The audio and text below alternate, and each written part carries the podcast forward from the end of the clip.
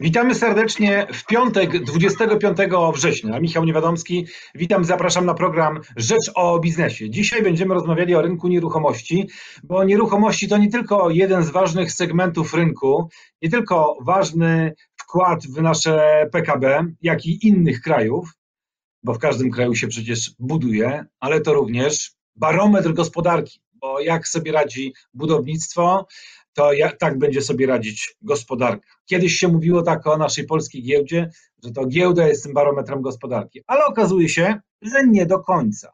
Branża reklamowa, branża budowlana to są te sektory, które faktycznie takimi barometrami są. Dzisiaj Państwa i moim gościem jest Pan Dariusz Węglicki, dyrektor zarządzający Katella Polska. Dzień dobry, witam Pana Prezesa. Dzień dobry Panie Dyrektorze. Dzień dobry Panu, dzień dobry Państwu. Proszę powiedzieć, jeżeli chodzi o koronawirus i o skutki tej pandemii, mamy koniec września. Jesteśmy na progu czwartego kwartału. Jak wygląda sytuacja z Pana perspektywy e, firmy, która e, buduje, ale też która zarządza budynkami i je wynajmuje? Bardzo proszę. My jesteśmy, mimo tego, że jesteśmy gdzieś w środku pandemii, bo liczby pokazują, że raczej nie jest lepiej, a jest gorzej, My jako Catella jesteśmy zadowoleni z tej operacji, którą mamy w Polsce i z tych obiektów, trzech obiektów, trzech projektów, które mamy w Polsce. E, żeby tylko przypomnieć, mamy e, apartamenty w budynku Złota 44, które działają pod marką Number 44 i udało nam się dosyć szczęśliwie dzięki różnym działaniom, e, między innymi specjalnej karcie Prestige Club, utrzymać poziom najmu na tym samym poziomie który mieliśmy przed pandemią, czyli to jest około 70%. W tej chwili ten poziom zaczyna powoli rosnąć, między innymi dlatego, że zaczęliśmy też oferować najem na okresy od 2 do 6 miesięcy, kiedyś robiliśmy tylko na 6 miesięcy. Podobnie sytuacja ma się z drugim naszym projektem warszawskim, skierowanym głównie do tak zwanych young professionals, to znaczy e, mam tutaj na myśli projekt Pereca 11, też zlokalizowany bardzo centralnie, gdzie oczywiście o kilka procent poziom najmu spadł, natomiast w tej chwili widzimy, że wrzesień e, jest miesiącem, kiedy przyszli najemcy wracają i rynek się e, ożywia. No i wreszcie trzeci projekt, który dla mnie jest niezwykłą niespodzianką, mianowicie projekt krakowski, w którym mamy z jednej strony dom studencki, z drugiej strony dwa budynki mieszkaniowe, łącznie 156 mieszkań. I te mieszkania są wynajęte już w 93%. A zaczęliśmy wynajmować w marcu, więc ten okres pandemii, e, jak się okazało, nam służy. Może dlatego, że mamy dobry produkt, dobrze umeblowany i w rozsądnej cenie. A jeżeli chodzi o dom studencki, no bo tutaj no to jest strasznie trudny temat w tych czasach, e, to z naszych 139 pokojów na dzisiaj mamy wynajętych 120, czyli praktycznie jesteśmy na poziomie 85% i przewidujemy, że dojedziemy do 95%. To nas zaskoczyło, że to poszło tak dobrze, no ale tutaj też swoją rolę odgrywała lokalizacja. Czyli z punktu widzenia Kateli te projekty, które mamy, specjalnie nie cierpiały. Może dlatego, że jesteśmy instytucjonalni, że klienci zaczęli wierzyć, że z wynajmującym instytucjonalnym to warto podpisać umowę. I może dlatego, że też byliśmy otwarci na współpracę z naszymi najemcami i w czasach pandemii, jeżeli którykolwiek z najemców miał jakiekolwiek problemy, siadaliśmy do stołu i te problemy rozwiązywaliśmy chociażby dając im e, rabaty e, czy jakiegoś rodzaju inne świadczenia, które pomogły im przetrwać ten najcięższy czas. Jeżeli mówimy o tym rynku wynajmu premium, to jest to klient krajowy, czy to jest klient zagraniczny? Klient zagraniczny oczywiście jest klientem o tyle trudnym, że żyjemy w czasach, kiedy może być e, nie tylko zamknięcie granic, to jest już takim już bardzo trudnym momentem, ale choćby kwarantanna obowiązkowa przy przekraczaniu granicy. No, rynek premium to są i tacy, i tacy klienci. Nie ma tutaj reguły. To znaczy, z jednej strony są to obcokrajowcy, którzy pracują w Polsce e, i albo z jakiegoś powodu zdecydowali się przyjechać do Polski. I tak jak patrzę, to jest e, udział tego typu klientów jest na poziomie 45-50%. Pozostali to są Polacy, zamożni Polacy albo też e, młodzi, relatywnie młodzi Polacy w wieku 30-40 lat, którzy zarobili pierwsze spore pieniądze. E, było swoiste zahamowanie oczywiście na początku ze względu na ograniczenia w podróżowaniu i był taki okres, kiedy obcokrajowcy w ogóle nie wynajmowali, a ci, którzy u nas mieszkali, też nie wszyscy, nie wszystkim udało wrócić się do Polski. Natomiast w tej chwili widzimy powolny powrót i mamy już pierwsze umowy podpisywane z klientami zagranicznymi. Mówił Pan o domach studenckich.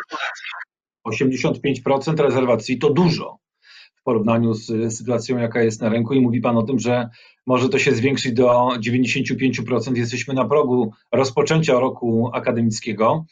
Proszę powiedzieć, jeżeli chodzi o te lokalizacje, które są, to jest oczywiście Kraków, to pewnie i Warszawa. Myśli Pan o kolejnych lokalizacjach na, na domy studenckie? Jak Pan postrzega w ogóle ten biznes? Da się na tym w najbliższych latach dobrze zarobić? Nasz projekt jest ten projekt, który w tej chwili mamy, którym operujemy i w którym nie tylko przewidujemy, ale jesteśmy przekonani, że 95% osiągniemy, to jest Kraków. To jest 5 y, minut na piechotę od Uniwersytetu Ekonomicznego, 15 minut od rynku, więc bardzo dobra lokalizacja. Patrzymy na domy studenckie w innych miastach, y, na potencjalne lokalizacje, patrzymy na Gdańsk, patrzymy na Warszawę, patrzymy na Wrocław. Natomiast to, co jest charakterystyczne dla tego rynku, no to oczywiście on się zmienił, tak? To znaczy y, w tej chwili zazwyczaj nie ma reguły, ale uczelnie zdecydowały, że pierwszy rok to są studia stacjonarne, Natomiast lata e, drugi, trzeci, później studia magisterskie, e, to bardzo często mamy system mieszany, kiedy studenci tak naprawdę muszą być jeden, maksymalnie dwa dni na zajęcia. No ale trzeba wziąć pod uwagę, że część tych studentów starszych lat już pracuje, czyli oczywiście łatwiej znaleźć pracę w Krakowie czy w Warszawie niż w miejscowości 10 e, tysięcy mieszkańców, gdzie ta ilość pracodawców jest ograniczona. Ja patrząc na ten rynek, no tak, z jednej strony mamy, jest tam, znaczy jest tam niezwykły niedobór miejsc, e, miejsc noclegowych dla studentów. To znaczy na milion, prawie milion trzysta tysięcy studentów e, jest tylko sto kilkadziesiąt tysięcy miejsc noclegowych, z czego większość no to są domy studenckie e, prowadzone przez uczelnie. W związku z tym studenci mieszkali do tej pory głównie w wynajmowanych mieszkaniach przy rodzinach. I teraz wydaje się, że na tą chwilę najbardziej ucierpiały dwa takie segmenty, jeżeli chodzi o domy studenckie. Pierwszy to Nazwałbym to segmentem co-livingu, czyli takie przypadki, kiedy ktoś, właściciel miał duży dom albo duże mieszkanie e, i w tym mieszkaniu wynajmował kilku albo nawet e, kilkunastu osobom odrębne pokoje. E, no i teraz ze względu chociażby na kwestię dystansu społecznego, na kwestię pewnej izolacji, której ludzie poszukują, obłożenie tego typu obiektów jest niższe niż ci właściciele planowali. Drugi segment, który bazował na studentach zagranicznych, których przyjechało dużo mniej i e, którzy przyjeżdżają, ale raczej na studia stacjonarne, ale na przykład Erasmus to już jest jeden, jeden wielki znak zapytania. E, czyli te domy studenckie, które no można nazwać luksusowymi, które mają oprócz tego, że duże przestronne pokoje, to jeszcze bardzo dużą część usługową. E, oni, moim zdaniem, i z tego co opowiadali mi koledzy, którzy takie domy prowadzą, mają sporo problemów, żeby osiągnąć takie poziomy najmu, jak my mamy.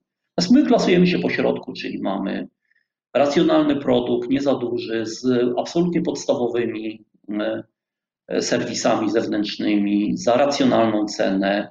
E, większość jedynek, czyli to, co ludzie, co młodzi ludzie kochają. E, I w tym chyba upatruję sukces tego naszego projektu, E, czyli to, ta decyzja, którą się podjęli no, prawie 2,5 roku temu, żeby właśnie jeden z domów mieszkalnych zamienić na dom studencki z takimi małymi pokojami, 15-16 metrów, na tym łazienka się sprawdziła. To była dobra decyzja i jeżeli byśmy rozwijali segment domów studenckich, to pewno będziemy chcieli wchodzić w tego typu e, obiekty, skierowane głównie do polskich najemców, bo u nas ci zagraniczni są w mniejszości, w przeciwieństwie właśnie do tych luksusowych. Mówi Pan o lokalizacjach, czyli Kraków, e, zastanawiacie się nad Warszawą, Wrocławiem, Gdańskiem, a na przykład Rzeszów, bo wschodnia, gdzie trochę tych studentów tam jest, szczególnie też e, studentów z Ukrainy. Były informacje też o tym, że e, ci młodzi ludzie, którzy do nas z Ukrainy przyjeżdżają, nierzadko kupują na przykład mieszkania za gotówkę. Czy pan obserwuje też zainteresowanie studentów ukraińskich tym, żeby lepszy taki właśnie wynająć e, e, pokój w domu studenckim, czy na razie tego, tego, tego nie obserwujecie? Studentów zagranicznych mamy sporą część, nie jestem w stanie teraz powiedzieć dokładnie, ale mamy grupy osób ze wschodu czy to jest Ukraina, czy to jest Białoruś, często są to osoby też pracujące oprócz tego, że studiują. Są bardzo dobrzy najemcy, których bardzo sobie cenimy. Oczywiście to nie jest ten poziom w Krakowie, jaki mają niektóre domy studenckie, chociażby w Lublinie, gdzie, czy pewno Rzeszowie, akurat Rzeszowa nie znam. Więc jesteśmy otwarci oczywiście na studentów ze wschodu.